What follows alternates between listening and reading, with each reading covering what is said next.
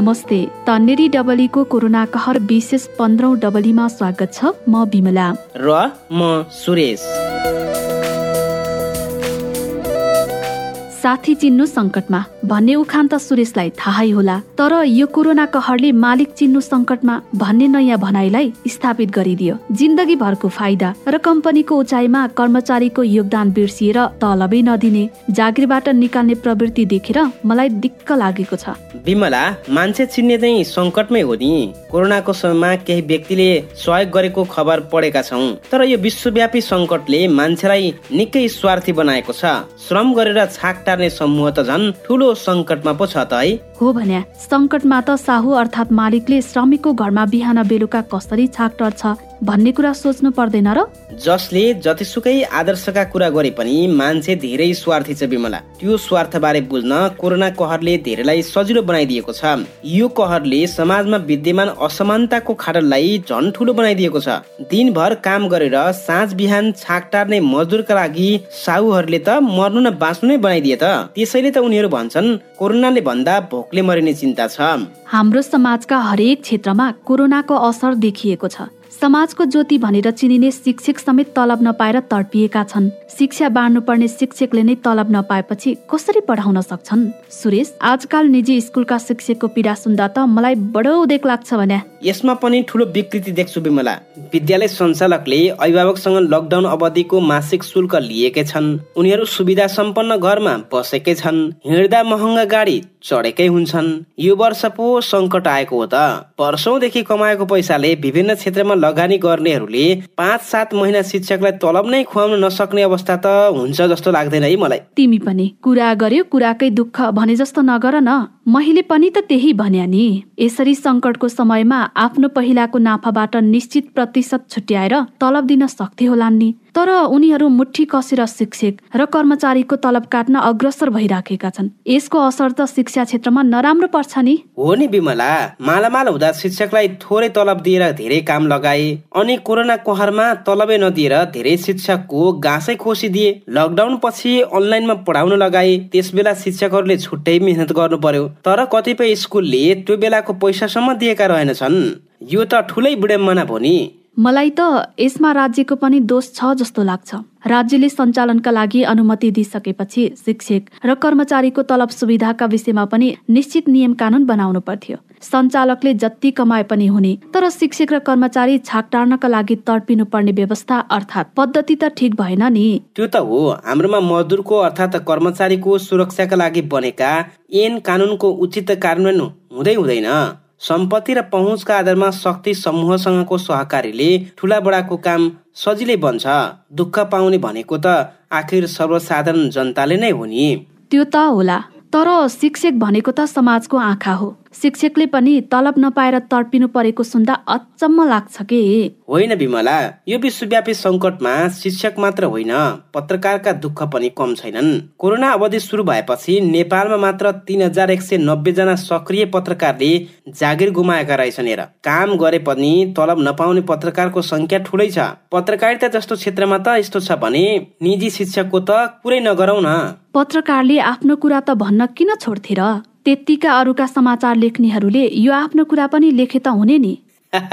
त्यसो होइन। मैले सबै क्षेत्रमा सङ्कटले छोएको छ भन्न खोजेको मात्रै हो विमला। शिक्षकका दुःखलाई कमजोर भनेको होइन।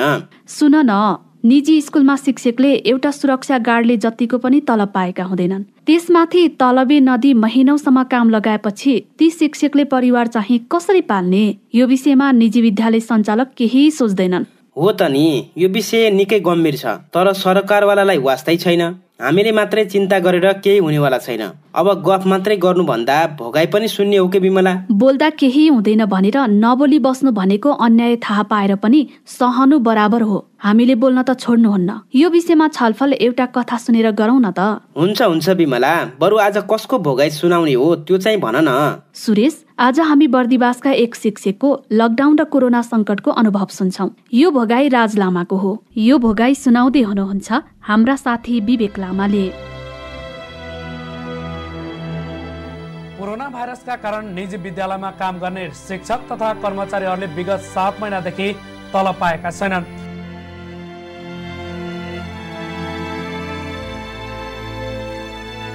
बिस हजारभन्दा बढी शिक्षकले रोजगारी गुमाएका छन्।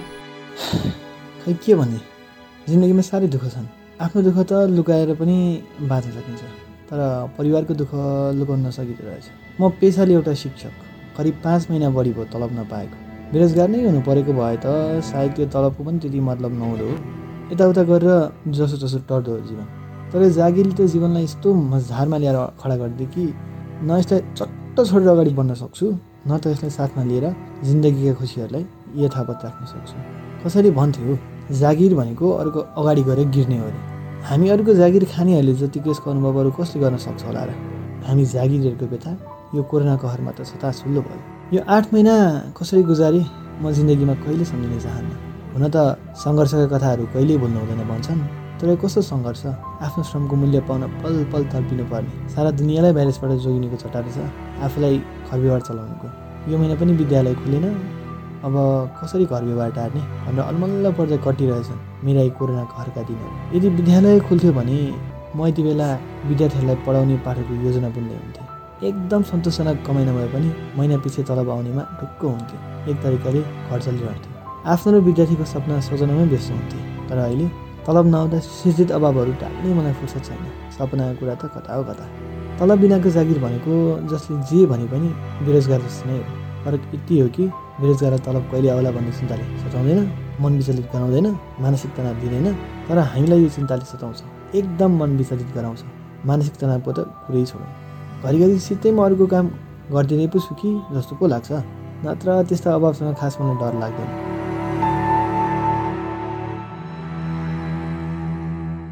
मेरो घरको आर्थिक अवस्था निकै कमजोर थियो। छजनाको परिवारमा अहिलेसम्म कसैले स्नातक पास गरेको छैन। मैले जीवनमा धेरै समस्याहरूको बावजुद पनि स्नातक तह पुरा गरेँ। अभावमा पनि हासिल गरेको ठुलो उपलब्धि हो यो मेरो जिन्दगीको। आर्थिक अवस्था कमजोर भएकै कारण घरमा बिजुली बत्ती ल्याउन सकिएन। धेरै गाह्रो थियो। यस्तो अभावको बिचमा लेखपट गर्न धेरै समस्याहरू आइपर्थ्यो। राति पढ्ने धेरै रहर हुन्थ्यो तर घरमा बिजुली बत्तीको अभाव हुँदा पढ्ने रहर पुरा हुँदैन थियो। तैपनि मौका मिलेसम्म पढ्न बस्थेँ। किनकि लाग्थ्यो मैले अहिले पढिनँ भने भोलि मैले राम्रो जागिर पाउँदिनँ अनि मेरो सुखी जीवन जिउने सपनाहरू अधुरै रहन्छ। हाम्रो लागि पढेर ठुलो मान्छे बन्नु भनेको राम्रो जागिर पाउनु हो।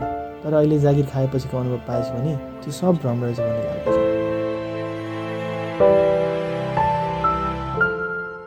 समय परिवर्तन भयो तर परिवारको आर्थिक अवस्थामा त्यस्तो राम्रो सुधार आउन सकेन। त्यस कारण पनि हो प्लस टू सक्ने बित्तिकै लालबन्दीको एक स्कुलमा पढाउन सुरु गरेको। त्यहाँ मैले तिन वर्ष पढाएँ। त्यो बेला मेरो तलब चार हजार मात्र थियो। त्यही ठाउँमा हुँदा एउटा कोचिङ सेन्टरमा कक्षा नौ र जसलाई पनि पढाएँ। त्यहाँ पनि खासै राम्रो पारिश्रमिक नभएर पढे लेखेर जागिर खाए पनि सपना देखे जस्तो घरको आर्थिक अवस्थामा खास सुधार ल्याउन सकिएन। पछि समय बित्दै गयो। मैले बर्दिवासको यस बोर्डिङ स्कुलमा पढाउन सुरु गरेको दुई हजार पचहत्तर साल जेठ महिनादेखि हो यहाँ मेरो सुरुको तलब बाह्र हजार थियो। पर्याप्त त होइन तर जिन्दगी धान्न सारथी हुन्छ यो जागिर। अहिलेलाई भनेर घरबाट टाढै रहेर भए पनि काममा खटिएँ। यहाँ बस्दा आफ्नो घर नभएको कारण होस्टेलमै बस्नुपर्ने सिवाय अरू विकल्प थिएन मसँग। होस्टेलमा बस्दा ससाना बालबालिकाहरूलाई ट्युसन पढाउनु पर्थ्यो तर त्यहाँ मेरो आफ्नो कामको उचित मूल्याङ्कन नै भएन त्यो कुराले अहिले पनि कुनै बेलामा मन साह्रै हुन्छ खै यो पेसा कस्तो हो?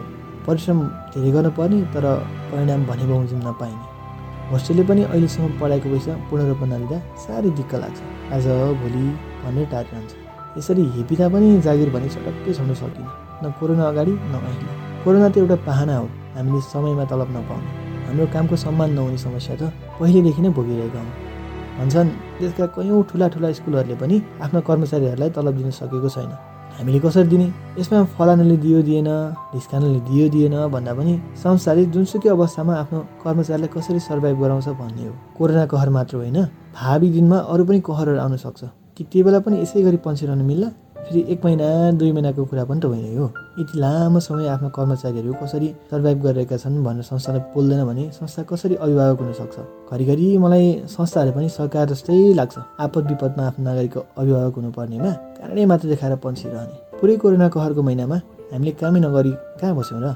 बिचबिचमा हामीले स्कुलले भनेअनुसार अनलाइन पढायौँ। अनलाइन मात्र होइन कहिलेकाहीँ त गाउँमै गएर पनि पढाएँ। तर पनि आफूले गरेको श्रमको सम्मान नभएको देख्दा मन दुख्छ रिस उठ्छ दिक्क लाग्छ। कोरोनाको भयले भन्दा यस्तो कुराले मानसिक तनाव बढी थप्यो यो कहरमा।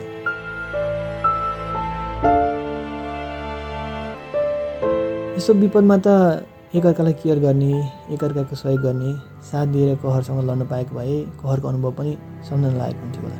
तर यहाँ त पल पल आफ्नो सम्मानको लागि लड्नुपर्ने आफ्नो पारिश्रमिकको लागि जिउ जिउ गर्नुपर्ने अवस्थाले यथार्थमा मन भावी बोल्छ। कसैलाई सुनाउनु पनि के सुनाउनु? तिमीले मात्र हो र सबैले पाएको छैन। भनिदिन्छ। घरकोले अझै तलब आएन यसरी कसरी चलाउने घर? भन्छन्। यो करले यस्तै हो सबैको अवस्था नाजुक छ तलब आएन आर्थिक सङ्कट भयो भनेर भनेर धेरै भयो। तर पाँच महिनासम्म तलब नहुँदा घर कसरी चलाउने? दैनिकी कसरी गुजार्ने भनेर कसैले भन्दिएन। के गर्नु? जिन्दगी गुजार्न हात धोएर मास्क लाएर सामाजिक दूरी अप्नाएर सङ्क्रमण भगाउनुभन्दा धेरै महत्त्वपूर्ण रहेछ। हात धोएर मास्क लाएर दूरी अप्नाएर यदि सपना टुट्नबाट जोगिन्थ्यो भने जिन्दगीको समस्याबाट जोगिन्थ्यो भने म त घरमै बसेपछि हात धोइरहन्थेँ। सुती सुती घरभित्रै जीवनभर लक भएर जिन्दगी चलाइदिन्थेँ। हामी जागिरीहरूलाई केयर गर्ने गाह्रो साह्रो बुझ्ने हाम्रो मतलब राख्ने कोही छैन। यो यथार्थ हो। अरू बेला त यो त्यति महसुस भएको थिएन। तर यो कहरमा ऐनामा हेरे जसरी छर्लङ्ग भयो। कर्मचारीको अभिभावक संस्था नै हो।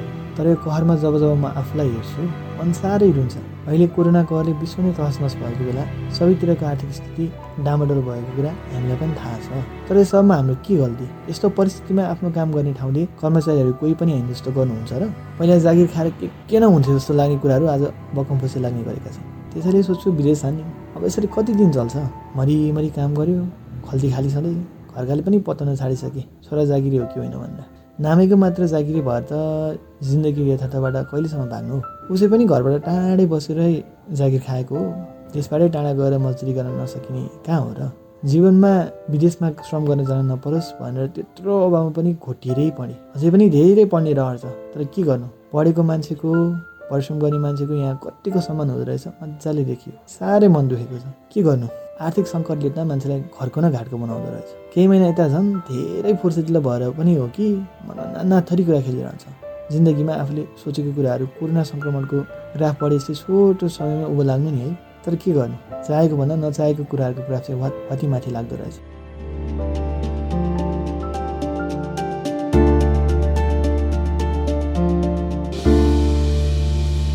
अहिले हामी पुस महिनाको अन्तिमतिर छौँ विमला यो भोगाई असोज कार्तिकतिर तयार भएको रहेछ। एउटा शिक्षकको यस्तो भोगाई सुन्दा दुःख कसलाई लाग्दैन र? तर यो महामारीमा संसारैभरिका मानिसले अनेक खाले पीडा भोगिरहेको कुरालाई चाहिँ बिर्सनु हुँदैन है। एक हिसाबले तिम्रो तर्क स्वाभाविक होला। तर काम लगाएर पनि पैसा नदिनु त अन्याय नै हो नि। यस्तो त कसैले पनि गर्नु हुँदैन। तलब बिनाको जागिरले उहाँलाई दिएको मानसिक तनावको मूल्य त कसैले तिर्न सक्दैन नि ख्याल गर्नु पर्दैन। त्यो त हो विमला यसमा शिक्षकको दोष छ भनेर कसैले भन्नै सक्दैन नि। तर राज लामाले भने जस्तै कोरोना संक्रमण हुन्छ भनेर मास्क लगाएर हात धोएर र सामाजिक दूरी कायम गरेर मात्रै जिन्दगी त चल्दैन नि। गर्दै आएको काम सङ्कटको समयमा छोड्न पनि सकिँदैन। दिन त कोरोनाले हदैसम्म दुःख दिएको छ नि है। मलाई त यो कोरोनाले भन्दा पनि मान्छेको खराब दिमागका कारण धेरै मजदुर र कर्मचारीले दुःख पाए जस्तो लाग्छ। यसरी वर्षौंसम्म काम गर्दै आएका शिक्षकलाई तलब नदिन कोरोना त बहाना मात्र बन्यो। यसमा सञ्चालकको नियत नै खराब लाग्छ हो मलाई त। हाम्रो समाजमा शिक्षकका दुःख बढी नै छन् विमला थोरै रकम धेरै दुःख गर्नुपर्छ। त्यसमाथि निजी स्कुलका दुःख त्यही काम गर्ने शिक्षकलाई भन्दा बढी हामीलाई थाहा हुने कुरै भएन नि। राज सरको भोगाई साँच्चीकै पीडादायी छ। विदेश अर्थात् खाडी मुलुक गएर श्रम बेच्नुभन्दा आफ्नै देशमा शिक्षा बाँड्छु भन्ने सोचले दुःख गरिरहेका शिक्षकको यो पीडा कहिले बिर्सन सकिँदैन? एकजना राष्ट्रप्रेमी व्यक्तिमाथि यो भन्दा ठुलो घात के होला र? हुन त हो बिमला तर तिमी यति धेरै भावुक चाहिँ बनिहाल्नु पर्दैन के? दुःख त सबैका हुन्छन्। यो एकजना प्रतिनिधि शिक्षकको दुःख न हो। यस्तै दुःख कष्टले त मानिसलाई हिम्मतिलो र सृजनशील बनाउने हो। दुःखमा आत्तिनु हुँदैन सुखमा मात्तिनु हुँदैन भन्ने चलन चल्तीको उखानै छ नि। त्यो त हो। तर हुने खानेले सर्वसाधारणमाथि गर्ने अन्याय कहिलेसम्म सहने? जस्तो सुकै राजनैतिक परिवर्तन भए पनि गरिबलाई एक छाक खानै समस्या छ। अनि त्यसमाथि श्रमको मूल्य छैन। के भन्या होला? आक्रोश उठ्छ नि मनमा। यसमा कुनै संस्था विशेषको नभएर राज्यकै दोष देख्छु म त विमला। कम्तीमा राज्यले विश्वव्यापी सङ्कट सुरु भएपछि केही महिना विद्यालय बन्द गर्ने निर्णय गर्यो त ठिकै थियो। तर दीर्घकालीन रणनीतिहरू बनाएर काम गर्न सकेन। यो विपदमा राज्य र मालिकहरू धेरै ठाउँमा चुके भन्नुपर्छ। हुन त हो नि तर तिम्रो सोच जस्तो राज्य सञ्चालकको देखिँदैन। त्यसकै परिणाम आज विश्वव्यापी सङ्कटको मारमा गरिब देशमा सर्वसाधारण नागरिक परेका छन् जस्तो लाग्छ है मलाई त। कोरोनाले सबै नराम्रो पारेको छ भन्ने ढङ्गले पनि बुझ्नु हुँदैन विमला कोरोना पछि बेरोजगार भएर सहरतिर बसेका कतिपय मानिस गाउँसम्म पुगेर कृषि कर्ममा पो लागेका छन्। जागिर खोसिएकाहरूले आफ्नै उद्यम थालेका छन्। यो सङ्कटको समय हो। धैर्यता सबैमा हुनुपर्छ। जिन्दगी तनावमा होइन विकल्पमा चलाउन सक्नुपर्छ। बाँचियो भने त अनेक विकल्प छन् नि हामीसँग। आशा गरौँ अब सबै कुरा नर्मल रूपमा अगाडि बढ्नेछ। सरकारले पनि अब स्कुलहरू सबै भौतिक रूपमै खुलाउने निर्णय गरिसके अब यो क्षेत्रसँग सम्बन्धित सबै कुराहरूले एउटा लय समात्नेछ त्यति मात्र होइन विमला स्कुलहरूले अब प्रोफेसनल हुन सिक्नु पर्दछ। यो पेसामा यस्तो खालको हल्ला साह्रै नसुहाउँदो भयो के? समय एकनाशको नहुन सक्छ। यस्तै किसिमका विपदहरू आइपरे आफ्ना कर्मचारीलाई कसरी सर्भाइभ गराउने भनेर योजनाबद्ध ढङ्गले काम गरून् भन्ने लाग्छ। ल फेरि पनि यस्तै यस्तै विषयमा गफ गर्नुपर्छ है विमला हुन्छ हुन्छ। कोरोना कहर र यसले दिएका पीडाबारे कुरा गरेर कहिल्यै सकिँदैन। के गर्नु? आजलाई भने बिदा माग्नुपर्ने बेला भइसकेको छ। अब चाहिँ बिदा माग्नु पर्छ हुन्छ हुन्छ विमला हामीलाई पोडकास्टमा सुनेर तपाईँलाई कस्तो लागिरहेको छ? जुनसुकै प्लेटफर्मबाट तपाईँ हामीलाई सुन्दै हुनुहुन्छ कस्तो लाग्यो भन्नुहोला है। यदि राम्रो लागेको छ भने अरूलाई पनि भन्नुहोला र केही प्रतिक्रिया र सुझाव भए हामीलाई podcast at the rate Tanneri Chaso dot net मार्फत भन्नुहोला है।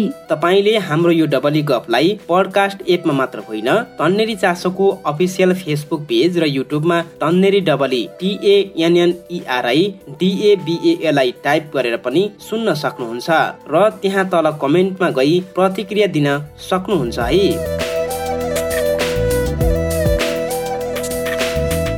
हवस् त तन्नेरी डबलीको सोह्रौं श्रृङ्खलामा भेट्ने बाचा गर्दै आजको श्रृङ्खलाबाट भने म बिमला। र म सुरेश विदा हुन्छौ। लौ त फेरि भेटौँला। नमस्कार, नमस्कार।